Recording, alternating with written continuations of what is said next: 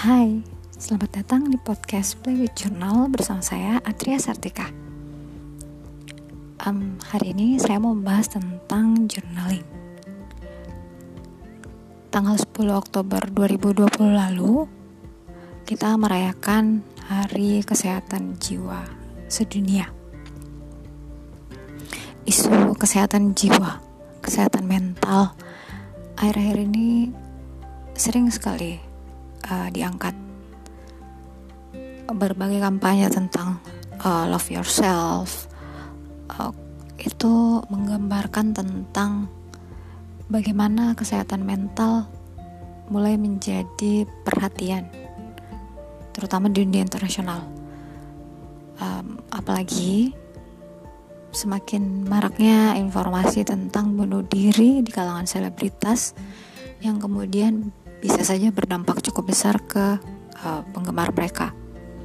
Nah, awareness tentang love yourself, kemudian kesehatan mental, ini sebenarnya uh, mulai mempengaruhi banyak aspek dan salah satu film juga yang terakhir saya nonton dan ternyata itu mengangkat tentang kesehatan mental itu adalah uh, Kim Ji Young lahir 1984 benar ya? Nah uh, kenapa saya menghubung saya bilang saya mau bahas journaling tapi malah membahas tentang kesehatan mental? Hmm, karena uh, saya mau mengenalkan sama salah satu alat yang menurut saya bisa mendukung uh, kita untuk menjaga kesehatan mental kesehatan jiwa kita. Uh, journaling adalah salah satu opsi yang saya pilih sejak 2017 untuk jadi salah satu media untuk uh, mengeluarkan isi kepala, membuang uh, toksik-toksik di di otak dan di hati yang kemudian terasa sekali manfaatnya dalam diri saya. Uh, untuk banyak orang yang sudah kenal saya dengan banyak peran yang harus saya jalani uh, secara mental dan secara fisik memang gak mudah kayak gitu. Dan saya bersyukur karena uh, saya diperkenalkan dengan journaling. Kalau ada yang bertanya journaling itu apa? Untuk yang akademisi dan mengakrapi jurnal internasional saya minta maaf ini bukan tentang jurnal ilmiah jurnalis yang saya maksud journaling yang saya maksud di sini adalah um, catatan personal yang menceritakan uh, kejadian atau peristiwa yang personal gitu. Jadi ini catatan yang ditulis oleh seseorang tentang kehidupan kehidupan, kejadian atau perasaannya sendiri. Dan uh, kalau kita membayangkan tentang journaling, mungkin yang akan dibayangkan adalah diary. Siapa pendengar yang biasa banget nih nulis Dear Diary. Banyak uh, perempuan, remaja perempuan atau yang di masa remajanya uh, cukup mengakrabi uh, atau tidak asing dengan uh, diary. Diary memang uh, jurnal dan diary itu sama. Hanya saja uh, journaling yang saya perkenalkan uh, sekarang itu sudah di upgrade di upgrade atau ditambah dengan sisi kreativitas. Jadi versi jurnal yang selalu saya populerkan adalah uh, versi art journaling. Jurnal yang sudah dipadukan dengan uh, seni kreativitas. Um, jadi dia tidak hanya sekedar tulisan. Nah uh, kalau masih bertanya-tanya tentang journaling itu apa, uh, saya juga mau mengutip uh, salah satu salah satu buku yang membahas tentang journaling. Itu the judul bukunya adalah The ABCs of Journaling, ditulis oleh ABC. Uh, dia penulis dari Thailand yang bukunya kemudian sudah diterjemahkan oleh salah satu penerbit Indonesia yaitu penerbit Haru uh, dan itu membahas tentang ABC of Journaling beneran membahas tentang journaling. Tapi sama seperti saya mereka dia membahas tentang versi art journaling yang sudah di uh, upgrade dihias dibuat menjadi lebih menarik untuk dibaca dan diisi. Karena ya begitu. Kalau dia di hari biasa hanya berisi tulisan biasanya kita menjadi mendadak di tengah jalan menjadi bosan karena terasa monoton. Nah uh, sebelum kita bahas lebih jauh saya balik dulu dan mau membahas tentang apa itu journaling berdasarkan uh, tulisan dari AB ini. Di halaman 22 sampai 23 dia menyebutkan beberapa makna tentang journaling bagi dia. Uh, yang pertama yaitu sebuah buku yang yang kamu buat untuk dirimu sendiri. Iya, karena journaling itu kita yang tulis, kita yang baca. Kayak diary, emang beneran diary.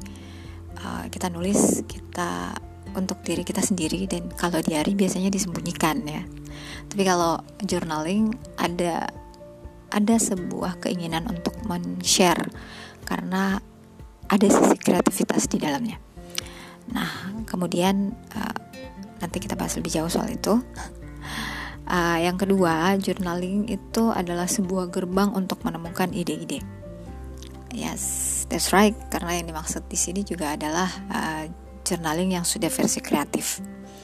Kemudian dia juga menyebutkan bahwa journaling adalah sebuah alat untuk merekam kemajuan. Jadi um, journaling bisa membantu kita men-tracking men-tracking berbagai hal men-tracking kehidupan kita, men-tracking kesehatan kita, men-tracking kebiasaan kita. Nah, itu nanti uh, akan saya bahas di bagian lain. Jadi journaling memang bisa bermanfaat untuk men-tracking sesuatu, men menilai kemajuan atau mengevaluasi. Uh, terus uh, dia juga menuliskan bahwa journaling adalah alasan untuk merayakan kehidupan. Cie. alasan untuk merayakan kehidupan. Iya, soalnya uh, dalam journaling uh, kita akan uh, didorong untuk mendokumentasikan. Seperti uh, mencetak foto untuk kemudian kita tukum kita tempelkan di halaman jurnal kita, kemudian uh, kita mengumpulkan benda-benda uh, kenangan. Seperti uh, tiket, kemudian benda-benda uh, kayak yang bisa kita selipkan di buku jurnal kita. Biasanya ini disebutnya epimera. Jadi epimera ini dia adalah barang-barang koleksi yang awalnya hanya memiliki kegunaan atau popularitas jangka pendek seperti peta perjalanan, tiket, catatan-catatan um, seperti nota pembelian, nota pembayaran yang ada muatan kenangannya. Jadinya makanya uh, dia dia menuliskan bahwa journaling itu alasan untuk merayakan kehidupan. Dan memang uh, salah satu aspek journaling adalah uh, kita menjadi berupaya untuk menemukan kesenangan-kesenangan kebahagiaan yang bisa kita tuliskan. Walaupun uh, tidak berarti kita tidak menuliskan kesedihan di dalamnya gitu. Cuman uh, bukankah kita manusia kecenderungannya memang lebih ingin mendokumentasikan hal-hal yang menyenangkan ya? Sedang yang yang sedih-sedih rasanya ingin kita lupakan saja seperti itu. Nah yang terakhir yang kelima menurut uh, penulis uh, journaling adalah suatu bentuk ekspresi diri. Ya karena yang journaling yang kita yang saya selalu bagikan sharing ke teman-teman itu adalah jurnal yang memang betul-betul bisa menunjukkan kepribadian kita karena seperti yang selalu saya bilang di setiap uh, kelas yang saya isi bahwa hal yang paling unik dari journaling itu adalah setiap buku jurnal itu akan unik karena dia akan mengikuti uh, diarisnya. Diaris ini adalah sebutan untuk uh, pelaku journaling. Dia yang menulis jurnal itu disebut jur, dia, uh, diaries. Uh, kenapa saya bilang itu adalah hal paling unik? Karena buku jurnal itu akan uh, menyerap uh, kepribadian uh, kebiasaan aktivitas uh, peran si uh, diarisnya karena akan sangat berbeda. Uh, ibu ibu rumah tangga yang full di rumah kemudian ibu pekerja seperti saya gadis-gadis uh, muda anak mahasiswa kuliahan itu akan memiliki bentuk uh, jurnal yang akan lebih berbeda. Kebutuhan jurnal dia pun akan berbeda. Kenapa saya membahas tentang kebutuhan jurnal? Karena nanti akan saya bahas juga tentang jenis jurnal. Jenis jurnal inilah yang akan menyesuaikan diri dengan kebutuhan. Jadi bisa saja kita pakai jenis jurnal A, tapi uh, uh, dia memakai jenis jurnal B. Itu semua disesuaikan dengan kebutuhan dan uh, apa ya kepribadiannya kayak gitu. Nah, sebenarnya kenapa sih uh, saya kemudian merasa uh, bahwa journaling bisa menjadi alat untuk uh, menstabilkan emosi, uh, mencegah atau mengurangi potensi untuk uh, kita kena depresi sampai ya itu dapat kejiwaan kita terganggu, kejiwaan kita sakit. Karena salah satu aspek dari journaling manfaatnya yang paling saya rasa itu adalah uh, sisi self healing, mental healing menyembuhkan diri, menyembuhkan jiwa. Kenapa? Karena uh, begini, di era sekarang, pada saat kita butuh curhat, itu sudah uh, berbeda kali ya, ber, berbeda keinginannya, berbeda situasinya dengan dulu yang belum ada gadget, belum ada internet, belum banyak distraksi untuk komunikasi sosial langsung, untuk uh, face to face ngobrol dengan uh, berkualitas gitu.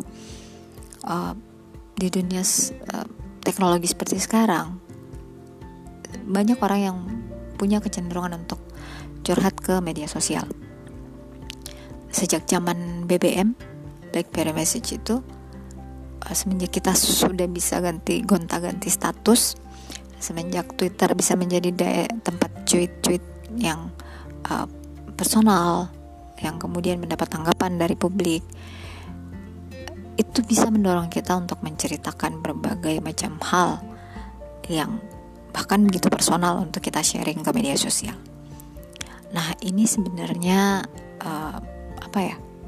Ada plusnya, ada minusnya plusnya bisa saja kita dapat uh, feedback uh, berupa saran cara menyelesaikan masalah hanya saja uh, yang saya perhatikan ya pada umumnya tuh malah berdampak uh, sebaliknya berdampak buruk. Karena yang ada apalagi sekarang komentar netizen itu ya sering kali ya pasti terpecah lah. Ada yang ada yang ada yang positif ada yang negatif ada yang menanggapi dengan santun ada juga yang sadis setajam silat. Jadi uh, curhat hal personal di media sosial sebenarnya tidak disarankan karena um, membuat bahkan membuat kita jadi makin rapuh sih. Karena kita dengan masalah kita akan sangat diketahui oleh publik. Dan itu bisa menjadi makanan bagi orang-orang yang um, senang menyakiti orang lain. Um, mungkin istilahnya bully ya. Ya bully dulu saya dulu selalu menganggap bully itu kalau mau ngeyel saya akan bilang bully adalah tanda sayang karena kalau orang mau ngebully dia harus tahu banyak hal tentang diri kita baru bisa ngebully. Kalau nggak punya bahan nggak bisa ngebully. Nah balik lagi. Uh, nah kenapa journaling menjadi pilihan yang paling aman? Karena ya sama seperti diary journaling itu jadi tempat untuk menumpahkan semua unek-unek. Semua hal negatif mau nulis hal yang sejahat-jahatnya pun gak ada masalah gitu. Karena memang di di dalam kehidupan sehari-hari ada beberapa hal yang kalau uh, mau disampaikan rasanya hmm, terlalu beresiko ya. Ada hal-hal yang karena situasi kondisi dan posisi kita jadi tidak bisa menyampaikannya gitu. Padahal ini dalam hati udah greget nih. Aduh ya Allah aku sebel banget. Aduh kok bisa sih kok gini sih kok gini. Tapi ketika dikeluarkan dia menjadi sesuatu yang uh, sensitif atau sesuatu yang malah mengundang pertikaian lebih lanjut membuat masalah menjadi lebih besar. Dan uh, kalimat itu terpaksa kita telan kembali. Tapi ya kadang ada juga masanya ketika pas saat mau menelan kalimat itu kembali kita kayak ya Allah kok perih banget ya kok sakit ya kok bikin aku pengen kok bikin aku ngerasa kayak nggak dihargain pengen bikin aku ngerasa kayak aku nggak berarti ya kayak gitu um, ada kalimat-kalimat seperti itu yang ketika kita menelannya kembali itu benar-benar rasanya pahit banget. Bikin sakit hati bikin pengen nangis. Ini bisa ditumpahkan di jurnal. Buku jurnal kita bisa menjadi jalan keluar yang aman. Uh, kita tuliskan aja semua hal yang mau kita katakan itu yang tidak bisa kita sampaikan. Kata per kata satu kalimat utuh beserta seluruh emosinya dengan harapan itu bisa bikin kita sedikit lebih baik. Kita tidak perlu menelan pil pahit itu. Kita mengeluarkannya meski mungkin tidak ke orang yang kita harapkan ke pihak yang kita harapkan tapi paling tidak dia tersampaikan. Tapi ada juga beberapa orang yang merasa kayak aduh aku takut tulisan itu dibaca sama orang lain. Jalan keluarnya adalah uh, art journaling bisa dimanfaatkan di sini yaitu tulisan itu bisa di, bisa ditutupi dengan gambar bisa ditutupi dengan kertas lain bisa ditutupi dengan hiasan lain atau kalau itu masih ragu soal keamanannya bisa dirobek kemudian dirobek dari halaman bukunya kemudian dirobek menjadi serpihan kecil kalau perlu dibakar. Mungkin itu bisa menjadi lebih baik. Daripada kita menumpahkannya menumpahkan semua kegelisahan resahnya kita sakit hatinya kita masalahnya kita ke media sosial. Karena ya begitu. Kita nggak bisa mengendalikan opini publik. Kita nggak bisa mengendalikan omongan orang kita. Kita nggak bisa mengendalikan uh, komentar orang ke postingan kita. Kecuali ya dikunci biar nggak bisa dikomen. Tapi saya rasa kadang dorongan untuk menuliskan curhatan itu sebenarnya harapan mendapat feedback. Tapi mungkin alangkah lebih baiknya jika curhatan itu kita simpan dulu. Nanti kita uh, cek kembali apakah dia aman untuk kita publikasikan atau mungkin kita harus update dengan data atau bagaimana. Seperti saya yang sebenarnya agak greget dengan um, undang-undang uh, cipta kerja.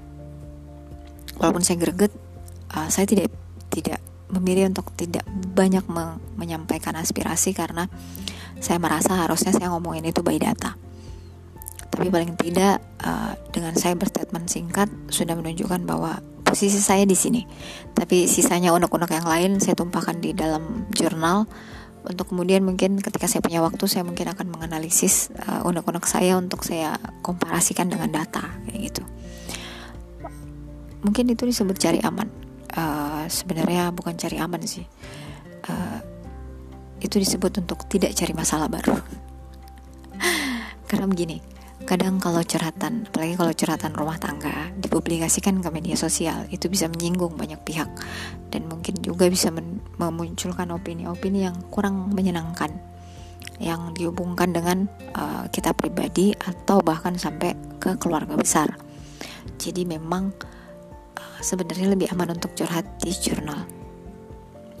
Sisi lain um, dari journaling yang kemudian membuat saya juga getol untuk mempromosikan journaling adalah saya merasa jadi lebih produktif dengan ngejurnal.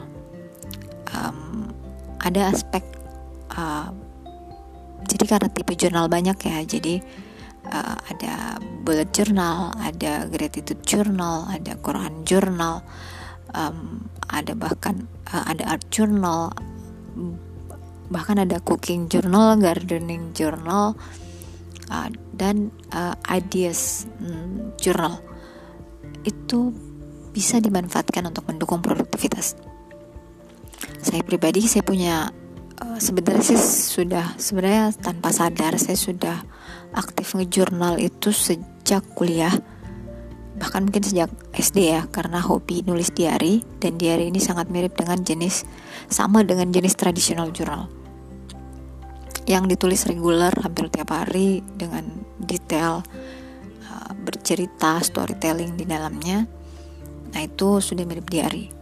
Cuman saya saya aktif mulai membuat dokumentasi untuk ide-ide dan ternyata itu masuk klasifikasi ide ideas journal. Jadi buku jurnal ide tumpukan ide itu saya sudah terbiasa menuliskannya sejak SMA cukup uh, sering pas pada saat kuliah. Jadi satu buku isinya semua adalah ide-ide yang bisa jadi bahan tulisan mulai dari quote mulai dari kejadian yang terpikirkan mulai dari curhatan teman yang bisa jadi ide cerita. Karena saya suka nulis tapi belum bercita-cita jadi penulis. Hanya saja sampai sekarang belum berhasil menyelesaikan satu buku solo sendiri. Nah um, balik lagi ke journaling akhirnya menjadi pendukung produktivitas saya gitu karena eh, nggak ada sebenarnya nggak ada ceritanya saya nggak punya ide. Kemudian uh, di sisi lain uh, journaling juga bantu saya memetakan isi kepala yang penuh. Ah um, soal memetakan isi kepala yang penuh ini mengingatkan saya pada uh, menata jiwa frase ini saya kenal uh, karena saya sedang mengikuti kelas uh, Gemar Rapi Gemar Rapi ini adalah komunitas berbenah ala Indonesia. Mereka membuat sendiri sistem berbenah yang sesuai dengan um, kepribadian orang Indonesia, culture orang Indonesia. Uh, salah satu aspek yang mereka uh, bagikan itu adalah tentang menata jiwa. Jadi nggak hanya barang yang ditata, uh, jiwa kita pun perlu ditata. Uh, otak, hati itu pasti punya deklat punya clutter punya uh, apa punya kekacauan gitu. Dan yang harus kita lakukan adalah melakukan decluttering. Uh, decluttering ini bisa kita pakai kita kita lakukan dengan memanfaatkan uh, jurnal. Kita bisa menuliskan semua hal yang ada di kepala kita baik berupa ide curhatan uh, keselnya bahagianya sedihnya di dalam uh, satu buku jurnal. Kemudian ketika kita sudah merasa lebih baik um, sebenarnya buku jurnal ini bisa kita baca kembali. Kemudian kita bisa melakukan pemetaan bahwa oh ini ide yang bisa dieksekusi. Segera.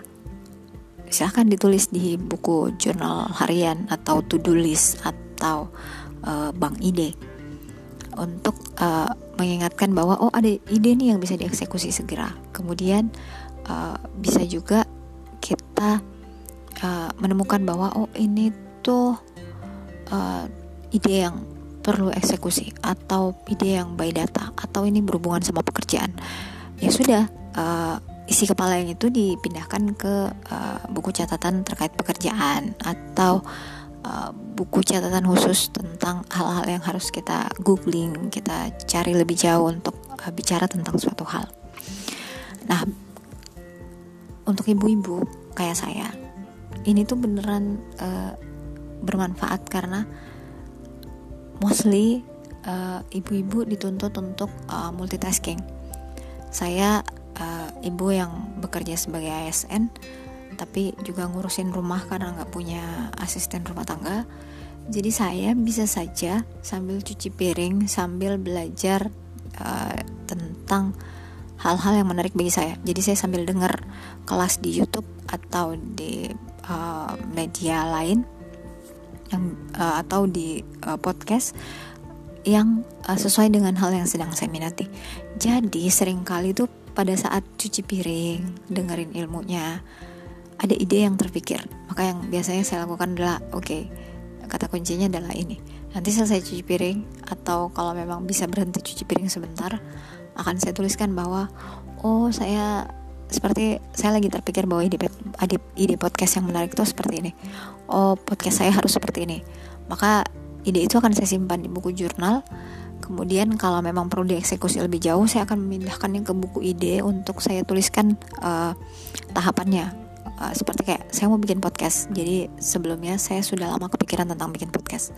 Saya menuliskannya di buku ide beserta tahapannya bahwa saya harus googling tentang podcast bahwa bagaimana cara mem mem mem membuat podcast apa yang aplikasi apa yang harus saya gunakan kemudian bagaimana mempublikasikannya dan sebagainya.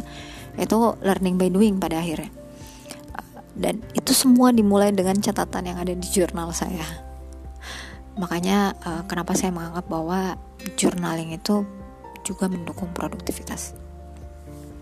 Nah tentang ini lebih jauh mungkin akan saya bahas di podcast episode podcast podcast berikutnya. Um, uh, apalagi saya juga akan membahas tentang jenis-jenis journaling dan jenis-jenis buku jurnal kemudian jenis-jenis uh, kemudian bagaimana memanfaatkan masing-masing uh, jenis jurnal tersebut. Itu akan saya bahas di episode podcast berikutnya jadi untuk sekarang begitu saja perkenalan tentang apa itu journaling semoga bermanfaat dan mungkin bisa menjadi uh, uh, ilmu tambahan terutama untuk teman-teman yang udah pernah ikut kelas online dari saya. Uh, ini mungkin bisa mengcombine kelas kita yang secara online dengan uh, adanya uh, informasi via suara ini. Halah. Oke. okay. Um, saya rasa itu saja uh, bahasan tentang journaling kali ini saya Tria Satika pengudara dari Sulawesi Barat sampai ketemu di podcast uh, episode podcast Play Journal berikutnya. Bye bye.